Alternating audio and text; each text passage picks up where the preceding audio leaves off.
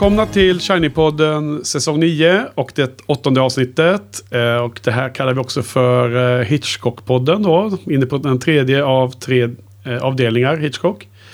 Och vi håller på att gå igenom hans sista tredjedel i filmografin. Och idag har vi kommit fram till den välkända filmen North by Northwest. Som då kom ut 1959. Har vi för övrigt någon svensk titel på den här filmen eller? Är det något ni vet? Eller ska det bli veckans... Nej, eh, men det var väl i sista sekunden eller i sista minuten eller något sånt där. Ja, det, det får bli veckans uppgift till lyssnarna att eh, skriva in det i kommentarerna. Eh, med mig som vanligt har gästerna f- uppe från Norrland, från Altersbruk, Joel. Välkommen. Hallå, hallå? Och från Reading, the UK, Frans. Välkommen. Tack. Ja. Ska vi köra igång med en gång grabbar eller? Nej. Ja. Bra med stora bifall. Eh, förra, förra veckan så mm, hade vi ju en stor success med den film eh, som du hade givit oss en extra uppgift att se Joel då. Tänker på Le eh, Diabolix. Ja, Eh, det har ju fa- fallit väl i... Eh, det var ju många som eh, såg den här både i podden och även någon här på kommentarerna. Några. Och väldigt trevligt att eh, det var så spännande film. Så då gjorde jag ju en eh, tillbaka uppgift till dig där då. Och eventuellt Frans, även om jag tror du Frans har sett den här filmen redan. Eh, att du då skulle se eh, eh, Shape of Things, eh, Neil LaButes film från 2003. Där vi har Rachel Weitz och Paul Rudd i huvudrollerna. Och även då eh, Gretchen Mol. Så att, eh, det var lustigt Frans, för du hade någon kombo där av de kvinnliga namnen du hade slagit ihop i, i ditt huvud som jag blev förvirrad av förra veckan. Och någon, någon långdistanslöperska va? Grete Weitz. Kommer kom jag på. det, var, det var det, det var det, norskan där, det var där det hamnade jag. det, var det, har faktiskt, det har faktiskt funnits en fantastisk eh, sportdokumentär på SVT Play om henne som Jakob Hård har gjort. Den ska Jaha, du okej. kolla. Så hon, är, Ja. hon, är, hon är brutal. Jag satt och höll på att grina, grina till den. Ja. Eh, otroligt livsöde, Grete Weiss. Oh, wow, okej. Du är, du är lätt eh, eh, emotionell Joel. Det, Ja. det är underbart, det är härligt, det gillar vi. Nej men alltså, eh, för att eh, sätta den här filmuppgiften i kontext då Joel, så eh, jag ska bara dra lite varför jag gav dig den uppgiften. Och vad i förra veckans snack in, inom Vertigo-diskussionen som, som föranledde detta. Och då kan vi väl bara säga nu direkt att de närmsta 5-10 minuterna så kommer vi då spoila eh, Shape of Things från 2003. Då. Den är ju 18 år gammal nu film så det kanske är okej.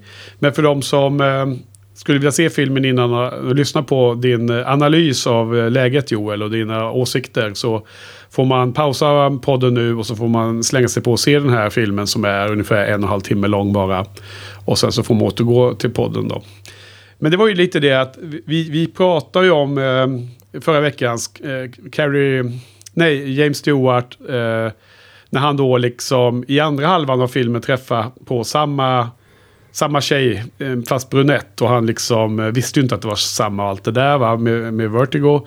Och att du var, du var väldigt så här, du ville att de skulle få varandra. Du ville att det, eh, relationen skulle funka och att hennes ehm, önskan att få vara ihop med honom, att det skulle funka och allting. Och då, då opponerade jag mig lite och sa att, liksom att hela deras eh, relation har byggts upp på under en fas när hon bara blåste honom.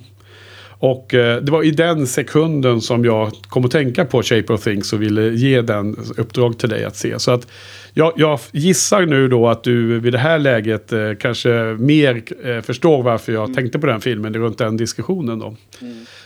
Så, eh, och förresten Frans, hur var det? Hade du sett den här filmen? Har du, har du sett den nu inför idag? Eller mm. hur pass eh, fräsch är den i ditt minne?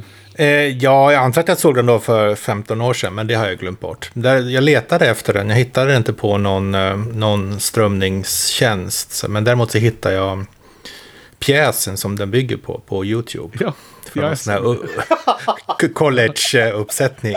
Så det var ganska intressant att se den. Alltså, ge- genom, alltså, var, var det helt horribelt dåligt eller? Nej, nej, det var, alltså själva uppsättningen var väl dålig, men eh, det var intressant att se. Det är alltid kul att se teater. Ja, just det. För jag såg... Jag tänkte också det, eftersom du hade letat fram att Le Diabolix låg på YouTube i väldigt bra kvalitet så Så tänkte jag det kanske ligger den här också, men eh, då såg jag just den pjäsen. Men, men så. Ja, men det var ju synd då eh, att det inte hittades. Men åt, upp över till Joel då. Då får du dra igång det här. Eh, då får du eh, bära det här eh, uppvärmningssnacket och säga vad, vad, vad tyckte du nu då? Och tycker du att min koppling mellan filmerna och den aspekten Jo, absolut, absolut. Som sagt, spoil, spoiler ahead nu. Eh, Mm. Men nej, men det, ab, jag förstår absolut kopplingen. Eh, därför det här är ju liksom Det här är ju 2.0 tagningen utav eh, din, din spaning i Vertigo. Alltså här tar de ju det till sin extrema spets. Skillnaden dock är att under Vertigo så sitter jag ju och genuint vill att de ska vara ihop. Ja, Trots allt som händer. Medans i, eh, i Shape of Things så känner jag inte riktigt så. Nej. Så, så att när sista revealen kommer då blir jag bara äcklad av det. Eller alltså, alltså jag blir bara eh, avskräckt och, och, och så känner jag ja men jag har liksom känt någonting åt det hållet innan. För jag tycker inte att kemin riktigt finns där mellan Vice och ehm, eh, Paul Rudd riktigt. Ja. Eh, och nu inser jag då att för de som väljer att inte se den här filmen, som redan bestämmer sig för att jag ska inte se filmen och därmed eh, riskerar vi att avslöja hela den, den stora grejen med, Mm. med storyn. Så kanske vi ändå ska dra jättekort vad som händer då i filmen Joel. Ja. Vad, vad, vad, vad är det filmen, vad, är det som är filmens idé egentligen? Eh, ja, men filmens idé är ju, alltså det, på ytan så är det ju en eh, romantisk, eh, alltså en, inte, en- inte en romcom riktigt, en rom, romdrama liksom. Där, där ett, ett par träffas och är väl ihop i så här 12 eller 18 veckor. Och så sen på slutet så får man då reda på att tjejen har gjort det här som ett konstprojekt. Där hon har dokumenterat allting för att hon är totalt ointresserad av killen. Eh, men hon har liksom förändrat honom. Hon har, hon har påverkat honom till att han ska förändra sig själv. Eh, och så har de spelat in sextapes och grejer som hon har med i utställningen och allting. Så att hon är ju totalt kallhamrad. Eh, och det kommer ju då fram i slut. I slutet när, det, när hon liksom avslöjar att, att det är en konstinstallation liksom på vernissageöppningen. Inför publik. Ja, ex exakt. Och hon har ju liksom till och med eh, liksom, eh, ändrat på honom och fixat, eh, bestämt, alltså påverkat honom så han skulle göra sån här eh, eh, vad heter det, skönhetsoperation och så rent fysiskt och såna grejer va? Vet inte hur Ja, film, filmen slutar, men pjäsen slutade med att hon var helt oförstående för att han var upprörd. Hon tyckte att, men jag har, jag har ju gjort det mycket bättre. Ja, Ja, den taken har de inte i filmen riktigt. eh, nej, och nu var jag ju ful nog att inte själv se filmen den här gången för jag, jag tyckte ändå att jag hade ganska bra koll på den så jag kan inte svara på Nej, exakt. nej, men- nej, men, men så- visst hade man den feelingen i slutet att han var ju upprörd på ett mer rimligt sätt för att han kände sig blåst på hela känslorna också. Ja, ja. Eh, Nej, men alltså grejen är... Och hon, ja, hade nå- hon, hon liksom förklarade allting för sig själv. Hon bara tyckte att det här eh, projektet gick före allt och jag skiter i honom i princip. Så det var ju väldigt eh, starka känslor i slutet, helt klart. Jo, men, men hon är ju... Alltså det är ju ingen sån här där man känner... Alltså, jag, jag, tyckte, jag tyckte det absoluta slutet var lite svagt. Det var, det var scenen efter öppningen där han kommer till galleriet. Och liksom bara börjar fråga ut henne mer liksom och visar... Eh, för att när, när hon avslöjar hela skiten då, då springer han bara därifrån för att han är så förödmjukad när det har kommit en viss bit in. Men sen då den absolut sista scenen är ju när han konfronterar henne. Och då säger hon, att hon ber om ursäkt för typ att han känner sig sårad eller något sånt där. Men att, pro, att eh, projektet är ju fortfarande eh, liksom det, det viktiga. Så att hon är ju otroligt kallhamrad. Men sen viks det in en liten, liten sägning där. Där hon säger men... Eh, eller han frågar så här, var ingenting äkta? Och så till slut så säger hon så här, ja men kommer du ihåg när du viskade eh, det här till mig? Jag tror inte man får, man får inte se det heller. Utan man, de bara pratar om någonting som man har viskat. Och då säger hon att ja, det var äkta. Och så sen skimrar det lite i ögonen. Och det, där tyckte jag att det blev lite splittrat. På Ja. ett sätt som var inte Han bra för vågar inte riktigt gå Nej. linan ut då. För han har ju skrivit eh, pjäsen också, gissar jag. Neil LaBute. Han är, han är ju författare va? Till stor del också. Man, man fick också in intrycket i pjäsen av att, att de som egentligen hörde ihop var han och den andra kvinnliga huvudrollen. Mm. Var det likadant i filmen? Så att han hade Ja, blivit alltså, berövad var- på det- den relationen också. Precis, precis. Det var väl min huvudinvändning att det, det finns ju en... Eh, en scen när de kysser varandra i en park. Och där de, där de i stort sett båda säger att ja, så här har jag känt i tre års tid. Eh, och då kände jag bara så här, ja men där är ju, där är ju paret liksom. Ni ska ju vara Ja. ihop liksom. Ni ska inte Ja. vara ihop med de här idioterna som ni är ihop med liksom. Men sen det görs ju inte riktigt någonting utav det heller. Så jag tyckte det var lite, ganska mycket missed opportunities liksom. Ja, Okej, men du, du var inte speciellt impad av filmen? Alltså. Nej, alltså det här är en sån film som jag antagligen hade gått i, tok gått igång på när jag var typ 22 och fortfarande liksom ville, du vet, bli översköljd av annorlunda intryck av film. Liksom. Eh, typ så här Funny Games och eh, Michel Haneke-filmer och sånt. Då hade den här filmen antagligen fallit på läppen väldigt väl. Men, men nu tyckte jag att den blev lite så här, ja det var lite intressant koncept och men jag tyckte det var skönt att den bara var 90 minuter lång liksom och att det Ja. inte blev för stor. Nej, alltså, det var ju en... eh, Det var ju eh, Neil LaBute som har skrivit eh, pjäsen också. Jag är tämligen säker. Jag försöker kolla lite snabbt här på sidan. Ja, det var ju väldigt fascinerande när jag såg den på filmfestivalen. Då var jag, Olof och Johan. Eh, och eh, det var så, så spridda skurar där. Liksom. Det var ju, ehm, jag, jag tyckte att det var en superhäftig film. För att den hade liksom det här överraskningsmomentet då. För att jag tycker på något sätt att man har liksom svängt på eh, könsrollerna lite. Jag menar, det känns mer vanligt på film i alla fall att det ska vara en man som då har, ska försöka få en kvinna att bli på ett visst sätt. Eller så. Jag menar, vi har... Vad är det? Är det My Fair Lady som är eh, eh, urfilmen och dessa saker Frans? Eller, eller blandar jag ihop eh, titlarna nu? Eh, ja, den bygger också på en gammal pjäs. Men, men, men den är ju lite lurig för att egentligen är det ju tvärtom där. Det är ju hon som, hon som ändrar Ja, jag, jag eh, kanske inte ska blanda in den alls i diskussionen. för jag, jag tyckte det var så dåligt så jag, jag stängde av eh, allt intellektuellt eh, aktivitet ganska tidigt i den filmen. Oavsett då så kändes det som att det var lite fräscht att det var en, en, en kvinna som var eh, så drivande och liksom typ den onda i sammanhanget. Medan alltså, det kändes som mer vanligt att det skulle vara en, en man som är den onda och en kvinna som skulle vara en, en, en eh, eh, ett offer i någon mening då. Så då så tyckte jag att det var ganska kul eh, vändning på det. Medan eh, av oss tre så var det en som verkligen hatade filmen och jag fick den upp, uppfattningen att det var liksom mer som kände sig nästan eh, identifierade sig väldigt hårt med, med Paul Rudd i det här läget. Alltså, alltså eh, hatade filmen för att det var så otroligt stort svek som hade skett i filmen. filmen det här känslomässiga sveket då. då. Den här att luras på det sättet med sådana med såna stakes i, i, i potten. Och så var det en av oss tre som bara tyckte att det var, ja, men den var väl okej. Liksom så här, helt ointresserad av varken att den var bra eller dålig.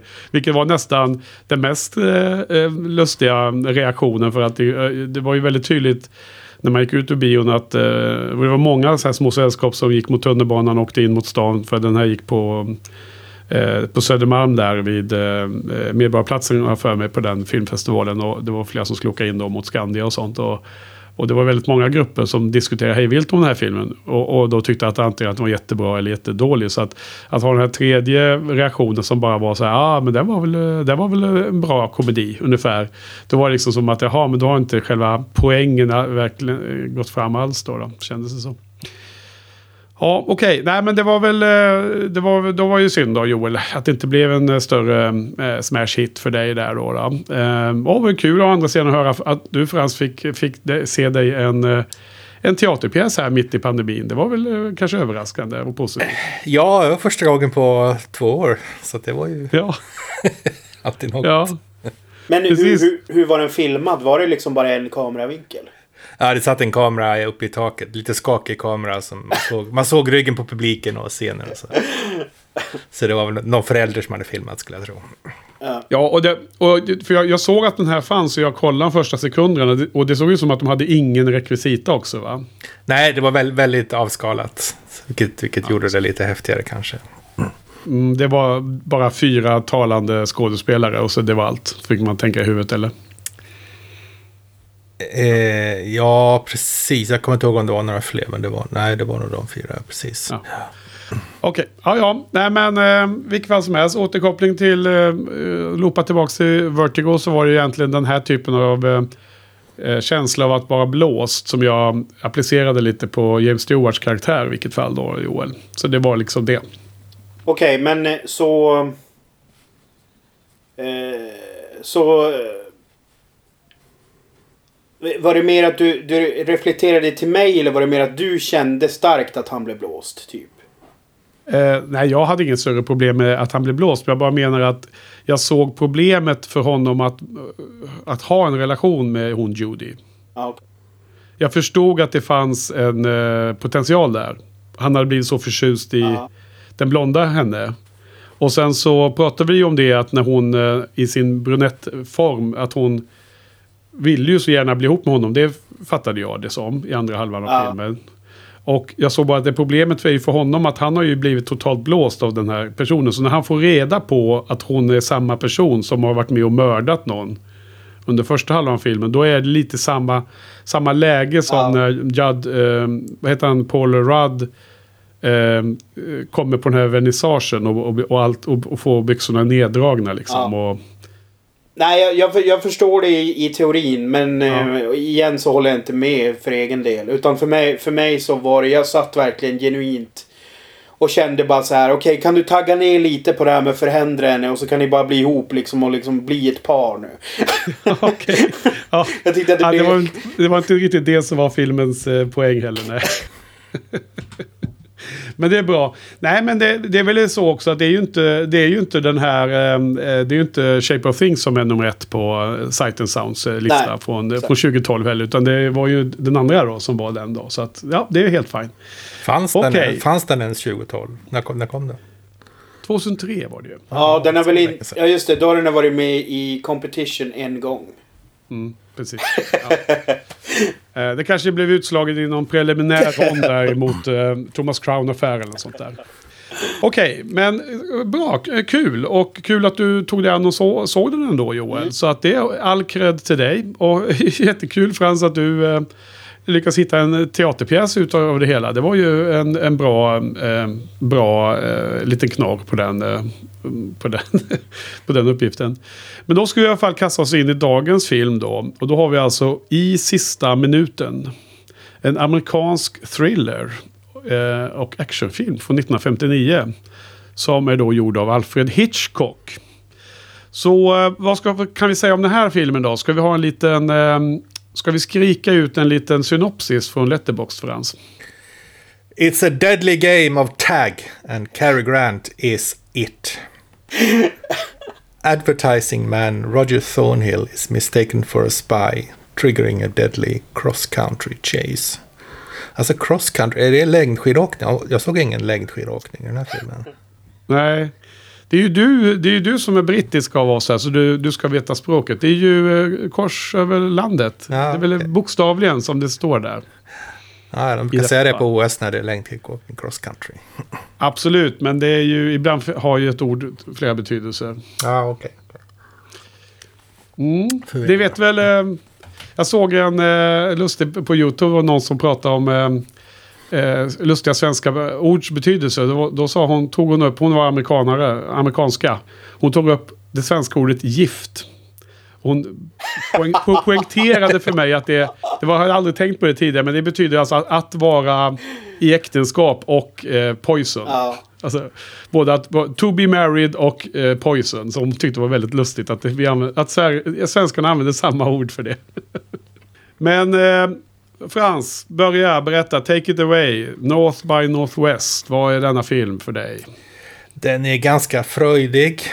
Thriller, eh, komedi. Jag tycker att han... Jag älskar skurken här. Van Damme förvirrande nog heter han. Som, som den be- be- belgiska karate-skådespelaren.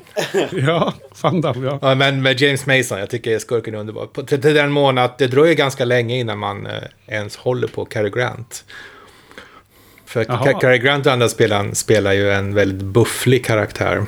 Som, som, Ja. man, som man tycker ganska illa om inledningsvis. Det jag inte riktigt har koll på är om han ska spela en bufflig karaktär. Om han bara ska spela en amerikansk idealman på 50-talet. Som är så här Mm, framåt, och framåt och drivande och kör över folk. Liksom. Om, det, om det är liksom är idealet eller om, det, om han förväntas spela bufflig. Det, det, det, kanske inte funkar riktigt för han är ju alldeles för gemytlig och eh, humoristisk för att liksom verkligen eh, visa upp den här buffligheten tycker jag. Den är, eh, Ja. den är väldigt, väldigt lång. Jag eh, älskar Eva St. Marie, eller hon heter. Också från eh, familjen McKayan såklart, när man var liten. Aha. Vänta nu, vad, vad, vem är hon där? Hon är mamman där i början va? Jaha. Fast, fast typ 20 år senare. Ja, jag förstår att det är senare Frans. Det behöver du inte förklara. Men, Nej, men det, det, jag känner inte igen henne. Nej, jag kommer ihåg att men det, man såg väl den här filmen i samband med att man såg eh, familjen McKayan. Så att hon, var ju, hon var ju en stor eh, person. Kate McKayan är det ju. Ja, precis. Vilken, vilken revelation. Alltså, bara sidospår nu. Alltså, McKayen är tio gånger bättre än vad ni minns att den var. Jag såg, jag såg faktiskt om den för typ så här sju år sedan eller någonting. Och det är ju liksom rena, rena fucking The Wire. Alltså när man kollar liksom det som originalavsnitten. Inte det som sen blev någon slags 22 avsnitts eh, Lilla huset på prärien variant. Men liksom det som är miniserien är fruktansvärt jävla bra alltså. Ja. Om, man, om man nu pallar med och ta in liksom att du vet det är gammalt och sådär. Men det är en fruktansvärt bra tv-serie. Jo, det Äckligt eh, stabil eh, vignettmusik också. Ja. Jag kom- kommer ihåg att jag, jag spelade in den på en eh, portabel bandspelare via luften framför radion. Höll upp, spelade in den på kassett bara för att kunna liksom spela den. Underbart. Ja, Nej, men jag, jag tror absolut att det, det, den är bra. För jag, jag hjälpte min syster nämligen att eh, få ner den på DVD-er och eh, skicka med henne den när de åkte på semester ett år. För att hon ville visa den för sina barn då. Och eh, det var ju med stor eh, success. För att både, både föräldrarna och de här barnen som var då typ eh, ja, liksom, lite under tonåren Alltså, tyckte alltså- att det var jättebra. grejen, det, det, som jag, det som jag upptäckte var ju att den har ju liksom den här typen av ganska avancerad subplots som får fortgå under ganska lång tid utan att det varken blir för, för, um, för periferert eller ändå att det tar upp för mycket. Det var därför jag kände att det var en wire-koppling. Alltså att den är verkligen så här, det känns... Eh, världsbilden är väldigt bra uppbyggd där. Men jag tyckte precis som du sa Bu- Buffy the Vampire Slayer-koppling. Med långa eh, trådar och sådär. subplot. Nej, det var inte det. Nej. Jag, jag har för mig att Wikipedia-artikeln på den, på, om den serien, där står det någonting i stil med en, en ganska obskyr tv-serie som av någon anledning var väldigt populär i Sverige. Okej. På den engelska Wikipedia. Ja, ja kul. Ja, Ja, ja, nej, han, är varg, han, han Vargtass då gjorde ju väl sån här eh, succé. Åkte på eh, turné i Sverige på folkparkerna och sådär efter tv-serien. Så det var så här. Eh, but I'm big in Sweden kan man tänka sig att han sa där borta. Jo, fast, fast, fast grejen är så här. Jag bloggade ju fortfarande när... Eh, när Seb dog. Alltså skådespelaren som spelar Seb McKayen. Se, Sebulon. Ja, Sebulon McKayen. Du minns inte? James Arnes. När han dog. Då var ju det liksom... Det var ju löpsides eh, material i Sverige. Det var, det, var, det var så här nära att det skulle bli en lit de parad i, i Stockholm eh, med, med James Arnes. Ja, alltså det förekom nog på sina ställen säkert. Nej men jag tycker bara att det säger fan ändå en del alltså. För det var så här, jag kommer ihåg att jag gjorde ett blogginlägg om det. För jag tyckte att okej det här är fan eh, rätt brutalt. För det var liksom så här, ja. Huvudnyheten, James Arnes är död. Sebulon kan ju aldrig dö. Han, var ju bara, han var, ska ju alltid finnas. Exakt. Ja. Okej, Ja, ja. det Nej, känns men- som att vi avbröt Frans lite nu i hans Yes. eh, presentation här. Ja, nej men det som jag hade kvar att säga är väl att eh, det finns en scen som jag tycker är enastående som alltid får mig att eh, dra iväg i alla möjliga riktningar i tankarna. Det är den här serien med där han står mitt på prärien och det är helt platt, oändligt långt och man ser liksom stor, vad the vastness, vad säger, hur översätter man det? Oändligheten i... Vidderna. Vidderna, ja, ah, så heter det. jag lyckades locka fram det. Internt, lite internt skämt där ja. Sorry, Ja, sorry. I hela amerikanska prärien, oändligt stort det. Samtidigt som man, han har den här djuriska ursprungsrädslan som väl människan som alla andra djur har. Att rädslan för att inte ha någonstans att gömma sig. Ja. Han står, står liksom mi- mitt ute i, på prärien, finns ingenstans att ta vägen. Och jag, jag kommer ihåg när... Cornfield va? Ja, han hittar ett majsfält där till slut. Jag, jag har berättat förut när jag åkte tåg där från Chicago till Los Angeles. Man åker dag ut och dag in längs de här majsfälten. Hur otroligt eh, fascinerande och surrealistiskt det är att se hur ofattbart stort allting är där. Jag, jag såg, ju för, såg ju förresten också ett sånt här... Uh, sån här crop duster. Jaha. Flygplan. Du tänkte på den här filmen då? Ja, det flög väldigt lågt också för mig. Jag skrev det, skrev det i min reserapport. rapport. Även om jag tror in, ingen av läsarna förstod kopplingen på den tiden. Mm. Så, så att den är favorit. Filmen i sig är väl, ja, den är ganska trevlig. Det är inte någon sån här jättehöjdare för mig, Hitchcock. Men jag tycker den är helt klart mysig och fröjdig.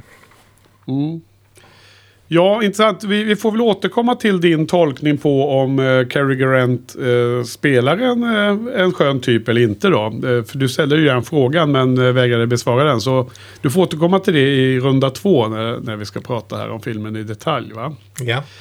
Eh, men då ska jag säga vad jag tänker om filmen så får du avsluta sen Joel. Eh, så får du vila rösten lite efter uppvärmningssnacket tänkte jag. Om Shape of Things. Nej men alltså det här var ju eh, en eh, film som är typiskt sån slag av film som eh, på någon tjänsteresa borta till Kina för herrans massa år sedan så, så gick den om och om igen på någon sån eh, filmkanal som fanns på hotellet gratis.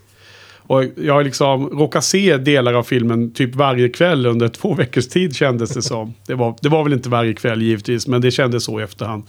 Och det är som en typisk sån film som man bara kan eh, njuta av liksom och se. Och man ser en snutt och sen så kanske man går iväg för att äta middag och så med kollegorna. Och, ja. Så att det är liksom, på något sätt så har den vuxit i huvudet på mig, på mig. Och jag trodde faktiskt att det här var nog den bästa Hitchcock-filmen. Som, eh, min, min favorit av de eh, tiotal jag hade sett innan vi nu mm, eh, poddar om de här närmare 50 filmer som det blir för dig och mig Frans totalt sett. Eh, men nu måste ju säga att okej, det kanske var lite förstorad i mitt huvud. För att eh, jag, jag känner ändå att den här var liksom, den här är bra. Men det är absolut inte en top of the line-film för mig måste jag säga. Så det, man får göra den korrektionen då. Och jag, jag tycker att det visar sig att nu när jag ser den här väldigt långa filmen som du nämnde. Så är den liksom inte så jättebra i inledningen och inte så jättebra i slutet heller då. Eh, ja, men den här actionscenen eh, är ju okej men inte superbra.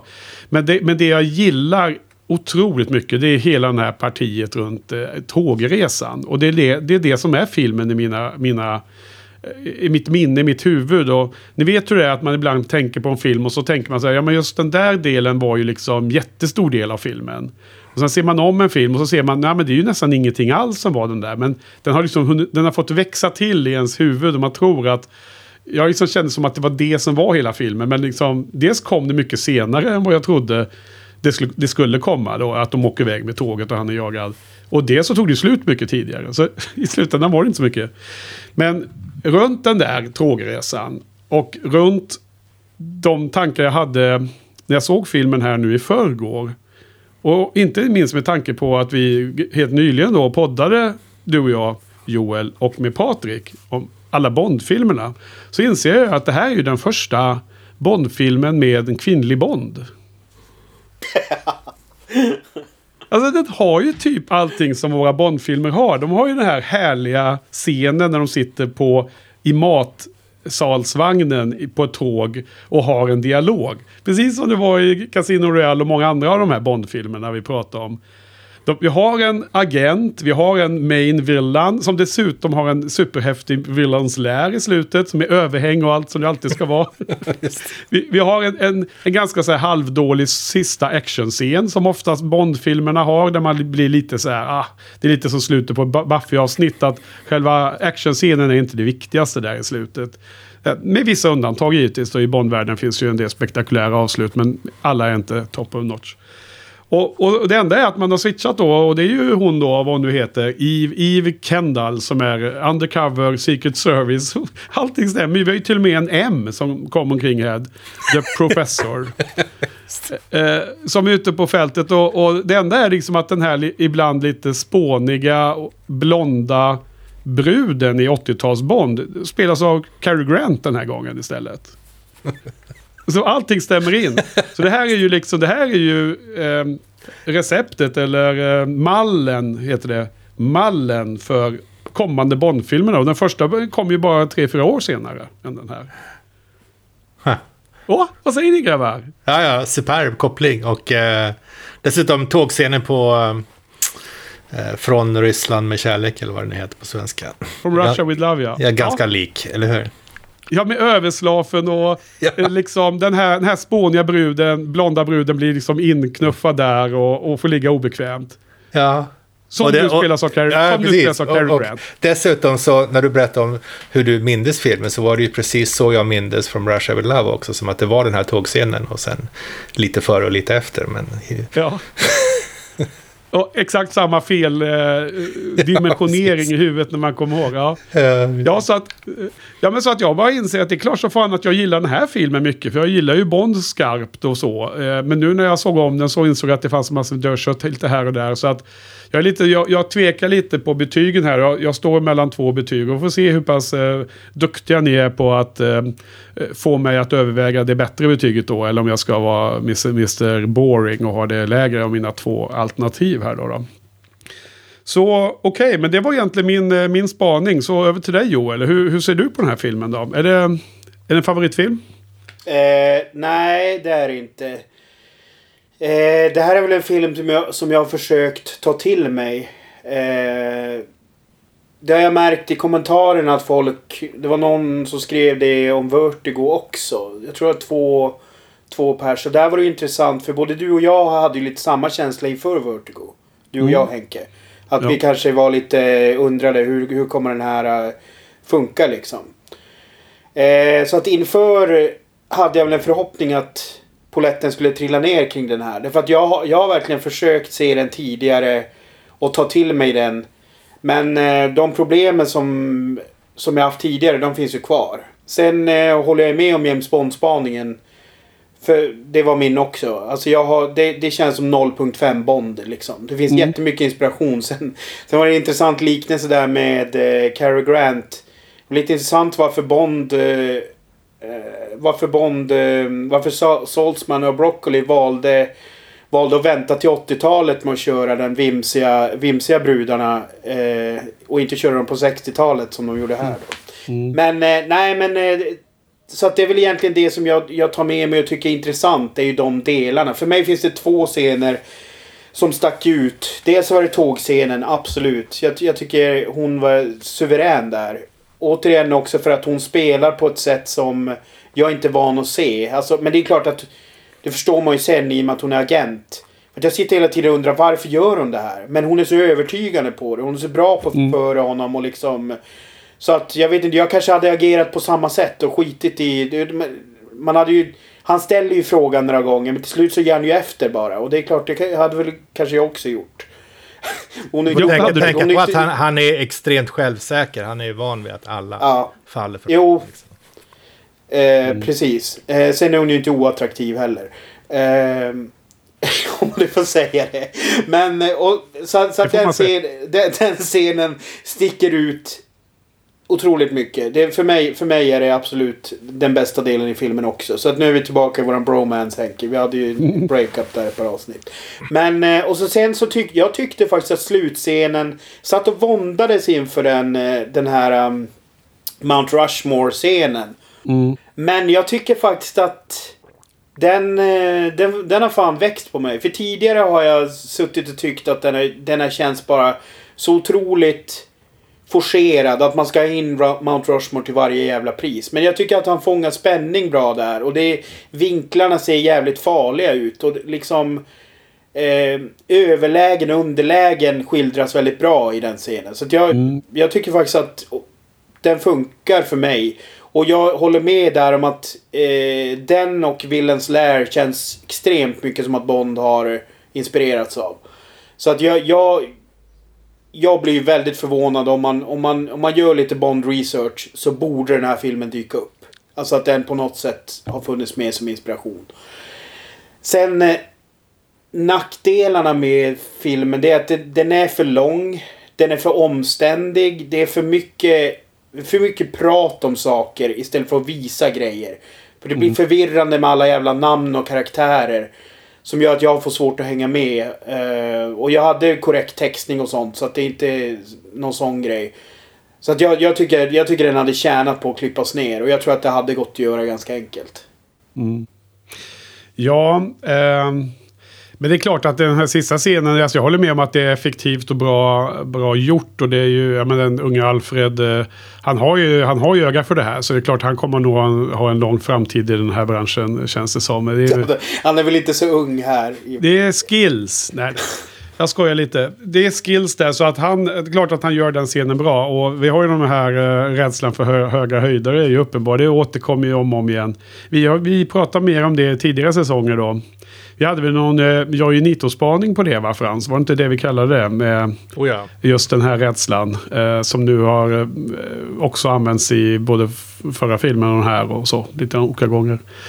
Ehm, nej, eh, jag tycker att eh, bra sammanfattning har vi alla. Och då ska vi återkomma då till dig Frans här nu. Vad, vad, hur, hur tolkar du? Hur, är det liksom Cary Grants ehm, energi och privata persona som har besudlat den här rollkaraktären eller är han skriven på det här sättet och så vidare? Eller hur, hur, vill, hur tycker du att man ska tolka den här frågan som du ställer rakt ut i luften på, på din inledning? Jag, jag tror att han ska spela en sån här bufflig reklamman som i den här tv-serien, vad den hette om ni kommer ihåg den. Ja, Mad Men. Mad Men, ja precis. Och att han, att han ska vara en, liksom, han, han ska inte vara, han ska inte vara onormalt bufflig, han ska liksom vara den typen av person. Men han har inte riktigt eh, räckvidden i sitt skådespel för han är alldeles för... man man, man, man tänker på honom som alldeles för sympatisk. Ja. Ja, han är för, för charmig liksom, precis. Ja, precis. Nej, men, ja, jag är nog väldigt benägen att hålla med där eh, utan att ha tänkt igenom frågan specifikt innan. Så, håller jag, så känns det som att du är helt rätt på det där. För att eh, jag tycker att han är ju ganska charmig i den här filmen. Men jag tror att det är som att han kan inte undvika att vara det känns det som till viss del. Så Nej, det är inte han har säkert alla att det de var här- meningen. Han har alla de här komiska ticsen och små grejerna som man säkert gör utan att tänka på det. Som gör att det är omöjligt att se honom som, som Ja. bufflig liksom. Alltså det är ju en ganska intressant tanke om, om manus hade varit tanken att meningen var att han skulle vara en, en bufflig, sån här skön, skön kille liksom som egentligen var ganska oattraktiv. Alltså o, o, oattraktiv personlighet. Menar jag då. Eh, och att det skulle varit mer viktigt för handlingen just det här med att han skulle vara så självsäker och tro att han var king of the King of the Mansion, eller vad fan det heter. Och, eh, och sen är det hon som är den, den som har skillsen i den här filmen. Men jag tycker inte att de så att säga, drar några växlar på det i slutet. Speciellt Nej. mycket under andra upplösningen och så. Jag menar, ja, det hade varit jättekul om det varit så att det börjar ju hans POV och hans liksom, upplevelse. Och sen bara slutar det med att det är hon som är agenten och den riktiga James Bond. Och, och det är hon, det man- henne man följer med. Men jag tycker att hon blir lite... Ja, men hon blir ju mycket så här damsel in distress. Hon ska nästan ramla ner och han ska rädda henne med handen och så. Det känns ju som att det skulle ju vara ännu roligare om det var tvärtom. Där. Ja, absolut. absolut. Ja. Sen så, sen så, ja. Mm. Blir man alltid så himla störd på den här fantastiska Rogue One, eh, Star Wars Story. Den är ju svinbra, det är ju fast en fem av fem. Men det är så synd att eh, det inte, att det är en liknande typ av problem precis i slutscenen där med. Att det ska komma någon jävla snubbe och, och rädda upp situationen. Ja, ja, skitsamma, vi behöver inte gnälla om det mer. Jag tror, jag tror de, som eh, har hört det här gnället är nog trötta på det nu. Ehm, vad tycker ni om den här klippningen då? Just i, precis runt den där sista scenen när hon nästan faller ner och så klipper de och så plötsligt är de inne i tåget igen. Det var, det var ju en till James Bond ref, alltså, reflektion. Det är ju ofta sådär i James Bond-filmer att... Inte lika brutalt. Nej, nej, nej. Alltså absolut. Klippningen var ju... Alltså just själva klippet i sig eh, var ju eh, liksom starkt. Alltså, eller det var kraftigt. Men själva övergången till att de liksom ligger och fondlar på ett tåg var ju extremt Bond. Alltså, ja, men det, var den här ju- sista scenen Ja, ja, som kommer ja. sen. Ja, ja, precis. Det var det ju det det blev. Det, det är ju en eh, exakt eh, Bond... Eh, Gubbarna har liksom bara kopierat den här kända Mm. filmen mer och mer känns det som.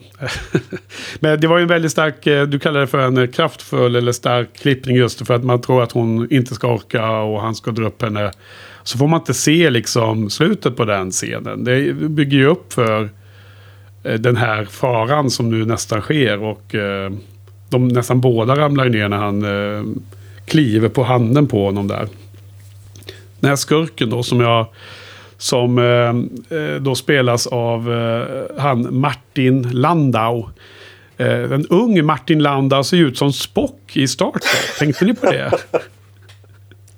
Tänkte jag på i alla fall. Jag kanske är helt fel ute, men jag gjorde någon sån bisarr koppling i mina ögon. Vilket fall som helst, han eh, för, höll ju på att försöka ta död på dem båda ju. Så det var ju spännande. Och så fick man liksom inte se riktigt. Utan det var, Hitchcock tyckte att nu, nu tog nu orkar vi inte mer med det här. Utan nu har, nu har spänningen varit, nu har vi levererat, nu, nu klipper vi till slutscen och sen end. Alltså grejen är att han kommer ju undan med det. Jag, jag, jag, tycker, jag tycker det är en helt okej övergång. Jag behöver liksom inte se när Cary Grant liksom eh, tar fram Hulken i raseriet för att få upp henne liksom. Utan det är som jag köper att han kanske höll ut tills någon annan klättrade ner och kunde hjälpa dem upp eller sånt där. Så det är liksom, jag tycker han är väldigt bra med den typen av beslut. Liksom, det är sällan det känns fel, de där grejerna. Ja, Nej, men jag, jag, jag precis. Ehm, det jag beskrev alldeles nyss var ju den förväntning man har i huvudet. Så på något sätt känns det som lite fräscht att en eh, filmskapare gör ett sånt beslut. Så det håller jag helt med om. Jag kommer ihåg när jag, när jag såg den här väldigt... En av de första gångerna som barn så, så var min tolkning att han, han kom inte på hur han skulle lösa det här så han, han klippte det där istället. Ja, så kan det ju varit också. Så kan det mycket ha varit. Ja men den unge Alfred, det är klart han har inte alla sina, sina verktyg ännu så att ja. han bara hittar på något. Nej, precis. Eh, när jag väl började tänka på att det här var den första Bond-filmen med en kvinnlig Bond så kommer jag ju vara tvungen att tänka vidare sen lite. Jag inser att det är också den första filmen om George Smiley. För att egentligen var det ju inte M som var The Professor utan det var ju en typisk George Smiley-karaktär. Då pratar vi alltså om John le Carrés ikoniska mästerspion. Som i bra många av storiesarna, och du vet ju detta Frans, du har ju läst alla de här. Eh, inte minst en av de mest kända böckerna om George Smiley är ju eh, Spionen som kom in från kylan, som ni känner till. Då är ju inte George Smiley med speciellt mycket, utan han är ju bara, han agerar ju i kulisserna, i skuggorna, i eh, dimman liksom. Och det är ju någon annan eh, stackare där som man får följa ner till sitt fördärv i den boken. Eh, vad säger du Frans? The Professor, lika med George Smiley, fast några år tidigare. Absolut, med, med, en liten skillnad att Smiley, som jag minns honom, han hade ingen som helst, eh, tog ingen som helst hänsyn till individer och deras folks och som hände med folk. Han var bara intresserad av spelet. Och att... Spelet ja. Men alltså, ja, här kändes det som att han var lite mä men, mänsklig i alla fall. Han som var Smiley-karaktären i den här ah, filmen. Eller alltså, kanske, kanske inte då? Nej. Det var ju det, det mötet bland spioncheferna inne på ett konferensrum. När någon, det var ju flera av dem där som sa ja men den här eh, bimbon eh, som då spelas av Cary Grant. Eh, ska vi låta honom eh, vara liksom Eh, ska vi inte skydda honom nu? Ska, ska vi låta de eh, fienden bara ha ihjäl honom? Och då, det professor ju bara, ja men det... Vi säger ingenting till honom. Vi, låter, vi, vi får se vad som händer nu. Så han var ju ja, totalt okay, okay, kallhamrad okay. över det. Det har rätt, ja. Precis. Eh, däremot så hade han ju viss... Eh, eh, han, han visar ju viss eh, liksom support och stod bakom sin agent. Men det, det tror jag att eh, Smiley gjorde också i olika lägen. Va? Gjorde han inte det? Kommer inte ihåg. Ja, det var väldigt länge sedan jag läste den där. Mm, Okej. Okay. Är det något du känner till, George Smiley, eh, Joel? Eh, jag tror den enda filmen jag sett hyfsat nyligt är Tinker Taylor. Är det samma karaktär eller? Tinker Taylor, Soldier Spy. Ja, det är ju, det är ju den första av de tre, den, den stora trilogin som heter... Ja. Eh, eh, ja, det är väl George Smiley-trilogin eller något liknande. Vad heter den egentligen? Frans. Nej, ja. ja. men det är den. Det ja. är han. Han är med. Men, han, nej, spelas jag, ju, han spelas ju av um, Gary Oldman i den filmen, ja. om jag kommer ihåg rätt. Mm. Nej, men jag har inte järnkoll på, på den karaktären. Nej. nej. Ja. Um, Okej, okay, något annat då? Har ni några andra spaningar ni vill kasta in här? Eller ska jag tuffa på? Tänkte du på den här aktionen Henke? Jag, jag minns det som ja. att vi, vi såg fram emot den här. Vi pratade om vad som skulle komma skulle för länge, länge sedan när vi pratade om en annan film. Att det skulle finnas en okay. scen i den här filmen som skulle likna, likna den filmen vi pratade om då. Okej. Okay. Jag, jag, tror att det är 39 stegen att vi liknade det här um, politiska mötet med den här aktionsscenen där han bara hit, han är jagad och ingenstans att ta vägen och eh, ger sig in i en ja. situation med massvis av folk och bara skapar maximalt kaos, precis som Bond. Ja, ja. Ja men exakt. Det var egentligen en av mina spaningar som jag hade redan skrivit upp Frans. Det är ju att det här är ju inte bara den scenen. Jag tycker att den är ju i allt i hela filmen. En kopia av The 39 Ja, Steps. ja, intressant. Det har rätt, ja. Precis. Ja men alltså. På en lite högre nivå så är det precis samma story. En oskyldig man blir misstagen för någon annan. Han börjar bli jagad av agenter. Eh, han är ute på cross country-turné av olika slag. Han, eh, han kopplas ihop med någon kvinna som är... I det här fallet är det lite olika relation mellan dem, men det är liksom samma typ av koncept där. Att de är lite... Eh, ja, det är som ett udda pairing. I det här fallet är det en agent som eh, använder sig av honom för att eh, återetablera sig hos fienden liksom. Och i den andra filmen så är det något annat. Och sen allt det här mot, eh, mot slutet där då med eh, upplösningen eh, också påminner delar av varandra. Så jag tycker att det är väldigt likt. Och, och det- måste ha varit det vi pratade om det då. För mm, då eh, tror jag. Ja, jag tror också det. Absolut. Eh, den aktionen, ja. Ehm, ja men det var bara den liknelsen med, med 39 steps. Det var ingenting om eh, spelteorin runt aktion, eh, strategier och så, eller? För att få ut så mycket som möjligt för sina Nej, varor på auktion. det här att, Eller- att bjuda under brukar inte funka så bra. Det funkar, inte- funkar inte så bra för honom heller, även om han upp, uppnådde sitt mål till slut. Ja, han gjorde det. Ja, men det var, han, han eh, lyckades eh, boxa ner någon auktionsförrättare där och kom polisen till slut. Det var härligt. Mm. Vem var det av er som sa att James Mason var så himla bra? För att då, blev jag, då, då hoppar jag till. Och nu är det mycket möjligt att jag har något problem med den skådisen. För jag, jag kan inte ens komma ihåg att jag någonsin har tyckt att han är bra. Jag tycker att... Att jag- jag- som fan det, den. det var mer att jag tyckte att skurkkaraktären är så himla bra i den här filmen. Nästan, så att man håller, håller på honom. Aha. Alltså, Nej, det går inte om det är James Mason. Jag, jag tycker att det är jävla svindålig. Alltså jag förstår okej. inte vad det är. Ja. Nej. Men det är väl hans, hans dialekt eller artikulation som gör ju att man kan ju inte... Alltså man, man kopplas ju ur för att jag som liksom... Det här får Frans ge sin syn på som rör sig bland engelsmän dagligen. Men för mig så sticker, det ju, sticker ju hans dialekt ut så extremt så att jag bara tänker direkt Okej, det här är världens teaterskådis liksom. Det känns bara som... Jag, vet- jag vet inte, på något sätt så dras jag ur det direkt liksom. Av, för att det känns... Känns så extremt. Men det är ju, jag är ju bara liksom en lantis uppe i Norrland liksom. Så att, du kanske stöter på James Mason hela tiden i Reading. Nej, verkligen inte. Nej, men, men passar det ändå inte lite bra för att han är ju en, en internationell storskurk. Han, han ska ju inte vara amerikan. I filmen. Nej, förvisso inte. Um, nej, jag har svårt att uttala Ja. för jag känner... Mm. Ja, Joel? Nej men Ja. det, det, alltså det, det, det jag syftar på är väl snarare, alltså jag håller med. I, för karaktären så blir det en utstickande del. Men jag är så van vid att så fort jag ser skådisen så reagerar jag på rösten och hur han artikulerar och sådär. Så att det är liksom konstant med honom. Nu, nu kan jag inte ens min... Vad han varit med med? Är det typ Ivanhoe eller något sånt där? Nej. Ja, ja, han spelar Ja. ehm, Rebeckas pappa där, va? Naturligtvis. ja, nej alltså det... Jag vet inte, för mig blir det lite sån här... eh, bre, brechtisk främmandegöring. Att jag direkt tänker okej nu är det bara film när jag ser honom. Av någon anledning. Och det ju, ligger ju säkert på mi- mig. Ja, men, ja, och mitt ligger på mig. Men det känns som vi har en liten bromance eh, igång här också. Att vi tycker lika alltså. Ja. Om vi översätter det till det. Ja, nej men det är ju härligt Frans. Eh, eh, personligen hade jag ju velat ha en stark skurk och kunnat eh, känna så hade jag varit, eh, hade nog höjt filmen. Men jag stör mig på skådisen och, och tyvärr så, eh, så skvalpar det över upplevelsen av den här skurken.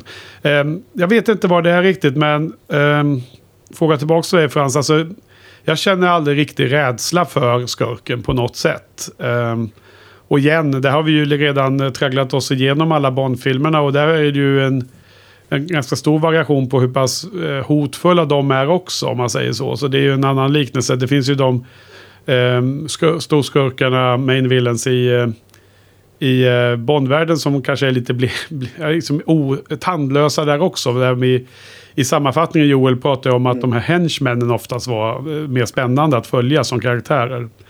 Och jag, jag, känner att det är väldigt likt här då. då. Ehm, jag, tyck, jag känner aldrig någon, någon, någon eh, att han är farlig på något sätt. Eh, även om man håller på att resonera i att de ska döda henne då, då Eve. Eh, kasta ut henne genom flyget var väl planen över något hav då. Det var ju oeländigt ehm, plan och elakt och mm, inte bra alls. Men jag fick aldrig någon känsla av att det här är en riktigt farlig person. Liksom. Jag vet inte. Tyckte han var verkligen... För? för mig var han superfarlig. Alltså inte fysiskt farlig men, Nej. men så här extremt kallsinnig och eh, beräknande. Ja. Ja, men då har det funkat för dig. Och det var väl säkerligen det, jag menar, så det var skrivet. Det är jag övertygad om. Sen är det bara ett eh, val av eh, skådis då. Jag menar, han var väl extremt känd runt den här tiden. Så att det var väl säkert en, en ko att ha fått in eh, honom liksom på, på matcha men, den kända men är det här, Grant. Är det, han har inte varit med i någon av de brittiska Hitchcock-filmerna som ung typ eller någonting? Inte vad jag vet. Vi har väl aldrig nämnt honom. Har vi det Henke? Uh, nej, det tror jag inte. Jag kan inte dra mig uh, minnes detta. Nej. Vad har du fått det ifrån Joel? Nej, nej, jag bara kände att det... Spontant så... Eller jag vet inte, han kanske breakade sent eller bara gjorde teater fram till en viss nivå. Men det, det känns som att det, det hade varit ganska typiskt Hitchcock att kanske... För han har ju ja. återanvänt senare. Återkommer ju många ja. gånger, ja. Ja, men den här jäveln har ju, har ju 115 credits, filmer. Mellan 1935 ja, ja. Nej, alltså och 1985. Ju... Mm. Nej, så alltså han, är, han är ju det, med ofta. Han är ju säkerligen en superaktad skådespelare på alla sätt och vis. Liksom. Det är bara det att... Jag vet bara hur det blir varje gång jag ser honom på film. Ja. och, och jag drar, dras ut omedelbart liksom. Ja. Vi är eniga. Eh, Frans, det är du som står upp för ljuset i denna del av dialogen. Vad säger ni om Eva St. Marie då? 96 år, gjorde sin senaste film för två år sedan. Ja, Ganska ja, hon var ljuvlig. Eh, riktigt nice att eh, ha en... Eh, och jag tycker den första scenen när, eh, när de sitter eh, i, på mat, matvagnen i tåget. Då är hon superbra alltså. Jättekul att det är den dynamiken i, i dialogen som det blir. Jag tycker hon är bra. Jag tycker hon är Eh, ja, men som du sa Joel, och det är klart man får säga att hon är attraktiv. Och, eh, men för min del så var det liksom att hon inte är super nice. Hon är inte otroligt Nej, nej, hon, nej absolut. Hon är precis. Alltså, så det, det, jag menar att det, det tar inte över. Det nej. tar inte bort ifrån hennes eh, typ eh, insats i filmen. Och det, det är ju bra då, då. För annars blir man ju liksom... Annars är det bara, ja, men det är bara för att hon ser så bra ut som hon skulle vara bra. Men det är inte det här fallet. Hon är, hon, hon är inte ful men hon är inte supervacker heller. Det är inte någon... Ehm, det finns ingen slöja av ehm, osäkerhet runt hennes skills i detta fall. Nej. Nej, alltså jag måste säga att det är en sak som jag nog börjar uppskatta som jag kanske inte riktigt har haft fingret på tidigare när jag sett de här filmerna. Men det är ju att jag, jag tycker ju faktiskt att kvinnoporträtten är förvånansvärt bra liksom. Eller alltså... Återigen så får man dra det med det här att de känns lite modernare än vad man kanske har varit van vid när man har plöjt Bondfilmer exempelvis. Eh, så, så tycker jag att jag menar här är det ju, hon känns ju jättekapabel och jag tycker Frans spaning med eh, Cary Grant är ju fullkomligt briljant. För att jag, jag, jag känner ju liksom, det är ungefär som lite det här med att Hitchcock eh, undvek en massa censurregler och grejer. Det här känns lite grann som samma grej. Att han kanske ville att karaktären skulle vara på det här sättet. Men han gör ju det på ett sånt subtilt sätt. Och han, sen så låter han ju ändå de här hjältemomenten vara kvar. Så att inte producenterna ska kunna säga ifrån. För att hade han gjort liksom så här att han var helt eh, hjälplös på slutet sådär. Och hon typ får dra upp honom. Då hade ju producenterna slagit, slagit bakut liksom. Men nu gör han ju på det här subtila sättet att han får ju fram det här liksom den liksom dumma reklamaren på ett snyggt sätt. Och det funkar ju castingmässigt för att Cary Grant är som han är. Så att jag satt ju innan och kände att jag inte riktigt gick igång på Cary Grant. Men, men nu när man tänker på det ur det här perspektivet så, så växer, det, växer ju porträttet. För mig. Mm. Så jag, ja. gillar, jag gillar också att hon faktiskt typ mer eller mindre objektifierar honom rätt mycket. Eh, och samma sak händer ju när han springer förbi. Det är med något flyktgrej när han springer förbi en sjukhussäng. Och det är tjej, ja. som blir helt tagen av honom. Och han, och han bara säger nej, nej, eller nej, inte nu. Och så springer han bara vidare. Ja. Jag ska se förhäxad ut och skriker sen bara stopp. Nej, men jag tycker det, det är lite intressant för där tänker man också så här, jaha, vad, liksom, vad, vad är han van vid egentligen liksom? Nej, men för att summera det, hon är ju hon är, hon är jättebra, verkligen. Jag håller med, jag hade gärna sett en omklippning där, där det liksom var hennes, hennes James Bond-film på riktigt, där hon är huvudkaraktären. Hade, Tänk lite så här, Long Kiss Goodnight har ju det upplägget också. Där, eh, där liksom eh, Samuel L. Jackson är liksom kvinnliga side... Den normalt sett kvinnliga sidekicken medan Gina Davis är liksom hjälten. Ja, just Mm. Typ, just ett, det. typ ett sånt upplägg här. Den är mycket, mycket bra. Mycket fin film. Ja. Den gillar vi. Det är väl en av dina fyra, dina fyra bästa nästan va? Fyra Ja, omnämnbara. ja men det, det, det... Den är jag lite försiktig med att titta för mycket på för jag vill inte bränna den. Nej. Vilka är de fyra omnämnbara? Ja. Ska se här. Ehm, Fast Five. ehm, ehm, Long Kiss Goodnight. The Net. Och... Eh, vilken är det mer nu då? Eh, du brukar lyfta. Eh, vad fasen... Jag kommer inte ihåg. Har vi någon mer? Jag har för mig att det var fyra senast du nämnde det. ja, jag vet inte. Nej, men de, de tre är ju sådana. Men det, det säger ju lite om min smak också. The Fast Five, är det någon väster eller? Nej, ja, alltså den fjärde är väl... Ja, om man ska hårdra det. License to kill är väl en sån. Ja, License to Kill var det såklart. Ah. Ja, för det alltså var det ju är Bond, såna här eh, fi- det filmer som Bond. jag alltid kommer vara en evig fanbärare av. Liksom. Som verkligen går i första ledet och bara proklamerar hur jävla bra de är. Ja, men Jesse, det var när vi pratade om License to Kill säkert med Patrik som det här kom upp. Nej, Fast Five är den femte filmen i, i filmserien Fast and the Furious. Som Ah, handlar okej. om bil, bil eh, köra, köra bil jättefort och se, se, se allvarlig och eh, eh, hård ut. Det är förkortning. Den heter Fast Five. Den heter det? Okej. De, de försöker eh, eh, vara, ha, ha lite lattjo med eh, titlarna för att eh, inte vara alltför predikterbara. Nu är det, skulle nian komma nu snart eller? Joel? Ja, det var kommit en ny trailer men det, det, pandemin behöver nog släppa lite mer tror jag. Innan Okej. de rullar ut den. Och jag såg någonstans på Twitter att eh, nu skulle nian, då skulle det promotas med de kvinnliga karaktärerna skulle få sitta i förarsätet. Och eh, Vin Diesel skulle sitta i baksätet istället. Sånt där va? Okej. Ja. är, du, är du taggad för den Frans? Är det opening day? Hänger du på låset då eller? Absolut, absolut. Ja, ja. Ja, på tal om subtila små hyss emot producenterna. Vad tyckte ni om hela slutshotten där när tåget åker in i tågtunneln då? när, de, när de är inne i kupén där. Eh, eh, de älskande Tu. vad, vad, vad betyder det? Kan du förklara? Ja, jag kan göra ett försök i alla fall Frans. För då har jag förberett här. Och då, då byter jag...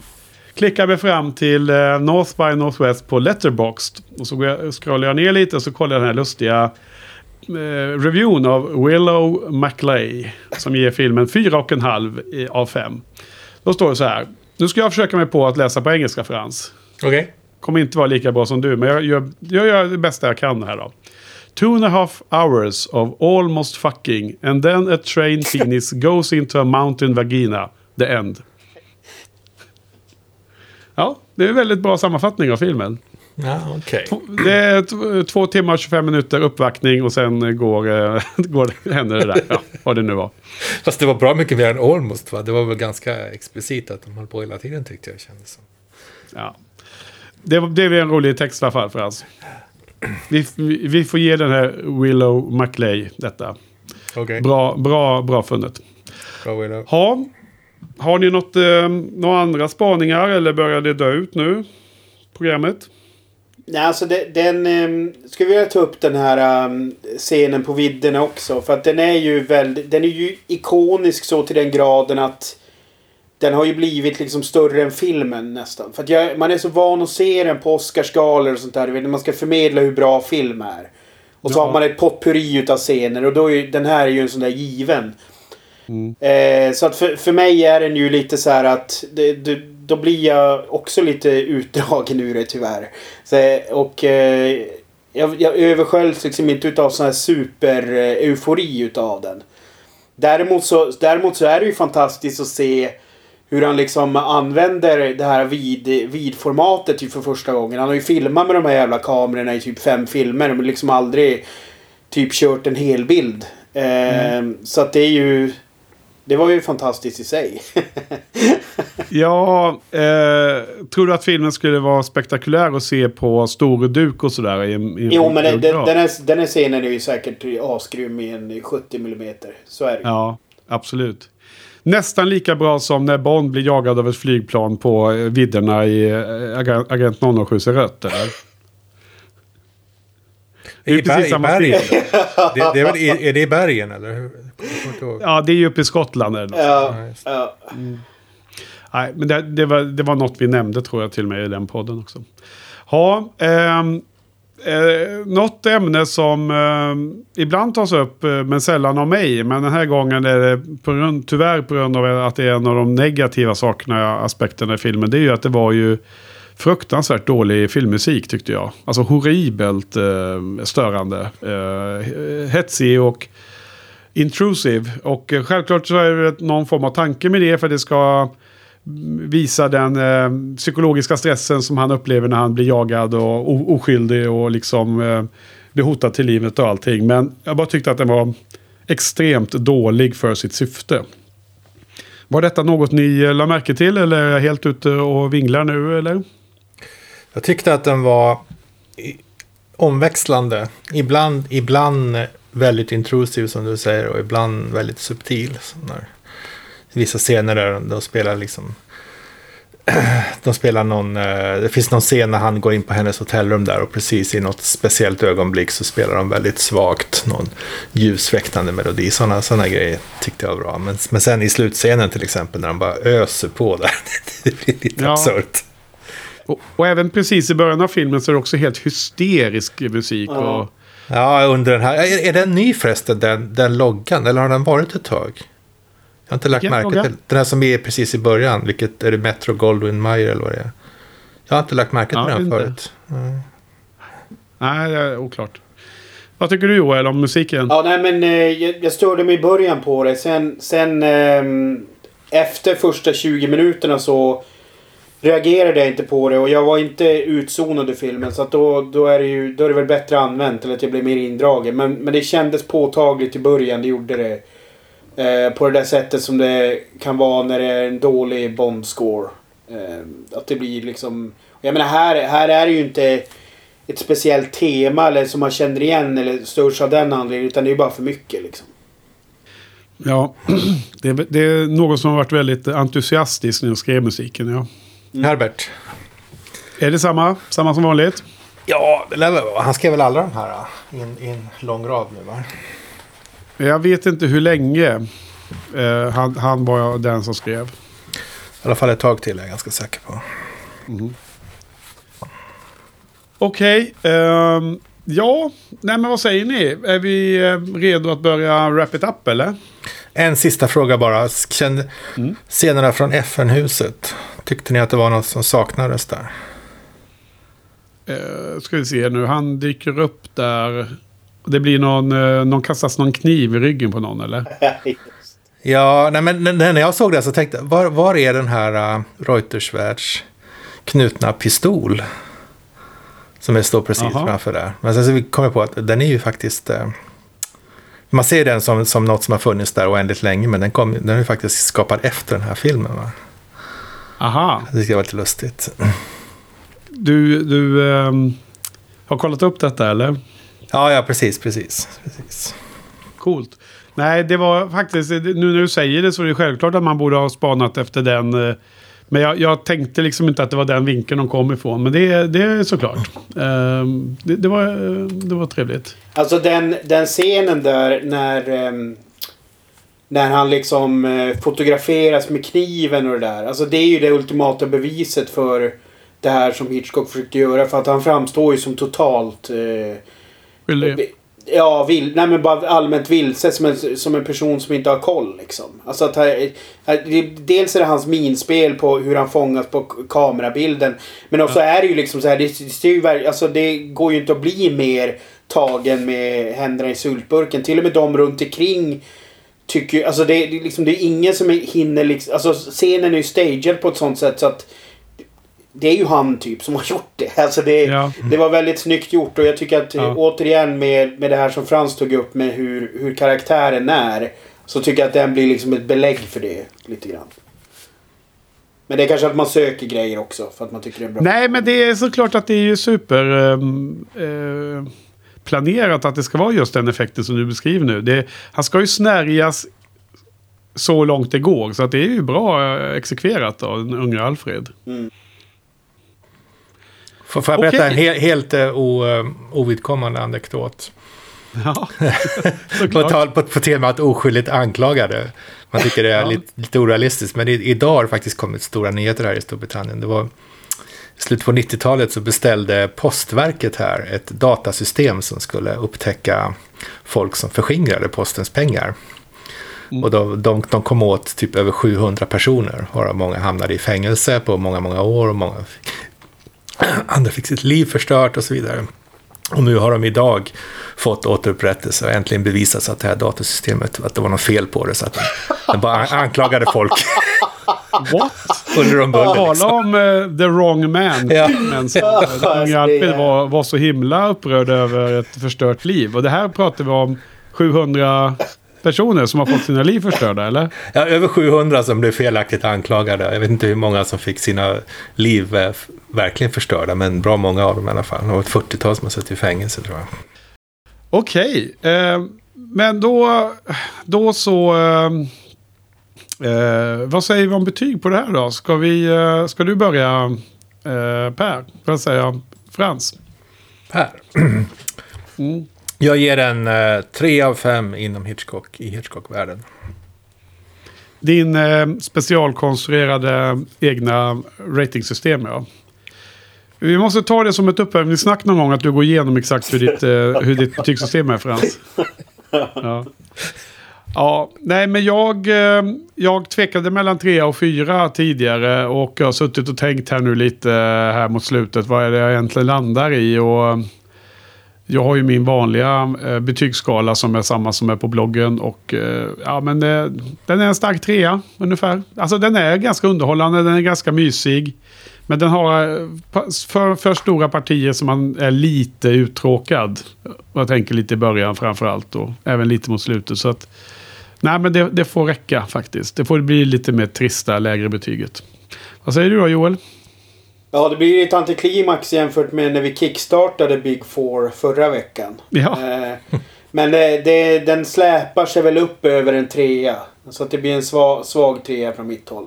Ja, som, jag sa, som jag sa så tycker jag fortfarande att eh, de problemen som jag har haft tidigare tycker jag består. Och det är liksom, för mig är det väldigt långt ifrån en perfekt film. Mm. Eh, men den har sina kvaliteter. Eh, som liksom gör den eh, sevärd och så.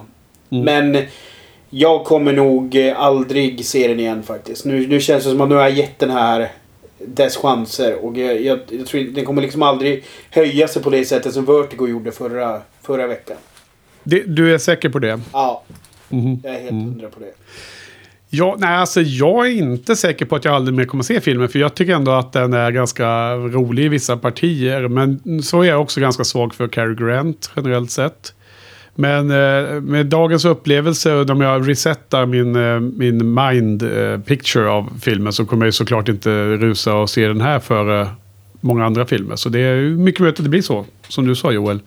Men jag känner inte att den har fått, eh, att den har fått rött kort liksom och blivit utvisad för alltid på något sätt. Det, det kan jag nog inte lova. Du då Frans? Kommer du se om filmen tror du? Ja, det hoppas jag verkligen. Ja, såklart. alltså, du, du, låter, du låter det så att jag är totalt iskall. Alltså, vad jag syftar på är liksom att jag, alltså, jag, jag är så extremt metodisk när det blir så att jag, jag liksom har börjat så här. Antingen så ser jag om grejer jag verkligen älskar i oändlighet. Men sen så finns det vissa grejer där jag bara liksom okej okay, nu gör jag bokslut med det här. Ja. Och, och, liksom så här, jag vet att okej okay, den här är på den nivån. Och jag, jag liksom kan se kritiskt på mig själv och vet att jag kommer inte se någonting mer i den här någon, någon mer gång. Och då är det ingen idé att jag wastar tid. Två timmar och 13 minuter igen på den liksom. Men det är Nej. ju fortfarande helt okej rulle liksom. Ja, nej men jag, jag uppskattar eh, din eh, frankness i detta. I denna, ditt, din eh, ärlighet i detta.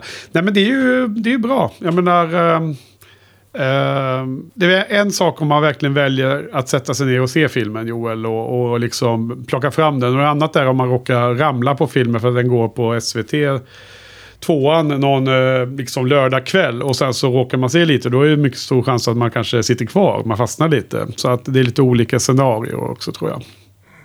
Mm. Men vad kul. Nej, men det här var ju den andra av The Big Four ja, som, vi, som vi myntade här då. Och då är det liksom, då, omväxling för nöje. Så det är väl bra att det inte, att det inte är eh, allting är eh, i topp alltid. Utan man måste ju ha en variation för att kunna få några toppar. Eh, och nu kommer vi in då på andra halvan av, av The Big Four. Och de två då som jag inte ens har sett någon enda gång i hela mitt liv. Och nästa vecka så är det ju helt enkelt Psycho. Som man ändå på något sätt får säga kanske Hitchcocks mest berömda film. Va? Om man skulle vilja sätta någon sån. Eh, om någon, no, någon film skulle få en sån eh, merit. Va? Eller vad, vad, vad tror ni? Kanske, Antagligen. kanske inte. Ja, jo, jo men så är det ju. Ja. ja men det ska bli jättekul. och eh, jag drar mig direkt till minnes när jag och eh, Per var borta i USA och eh, var på Universal Studios och tog en sån här VIP-tour som var jättekul. Åka omkring med någon guide, en ganska liten grupp, en hel dag. Och då var vi uppe vid det huset där det spelas in och så. Jag gick in där och så. Och det var ju liksom att, vad fan har jag inte sett den här filmen för? Då har du massa bilder att dela med dig av från det då? Eh, ja, det finns väl bilder, absolut. Eh, men det, det, det är i den privata... Eh, någonstans i mobilen eller ligger på någon disk någonstans. Så det orkar jag inte leta fram tror jag. Te- Testar ni, Men det finns ju. testar ni duscharna? Nej, men alltså... Tyvärr var det ju så att, eh, ja men den vet ju hur eh, Hitchcock är. Han spelar ju in allting på, på, på studio. Så jag menar, huset används ju bara för exteriörer. Det är, liksom, det är inget fungerande hus inuti. Ja, Utan det, det finns bara väggar och hit och dit. Och sen var det också mycket, mycket mindre än vad det ser ut. I, i de vinklar de, de eh, filmade så ser det ut som fullt storlek. Men det var ju inte det liksom. Om jag kommer ihåg rätt. Men det fanns i alla fall inget där inne. Det fanns inget eh, riktigt hus byggt på insidan. Det är det vanliga. In, de ska in i en välkontrollerad miljö så han kan styra allting i minsta detalj. Gissar jag. Ha. Och sen har vi The Birds veckan efter. Två stycken eh, filmer som jag verkligen ser fram emot att äntligen få klippa. Och få göra dem i denna eh, härliga poddsäsong med er två. Så det blir extra bra. Okej då, men då, eh, då ser vi fram emot det. Då får det räcka med Psycho till nästa vecka. Inga extra uppgifter den här gången. Eh, inga eh, bisysslor. Så eh, är vi klara för idag? Är ni nöjda? Yes. Bra. Då säger vi tack eh, till Joel, tack till Frans tack. och tack till eh, alla lyssnarna. Så på, hörs vi igen nästa vecka. Bye bye.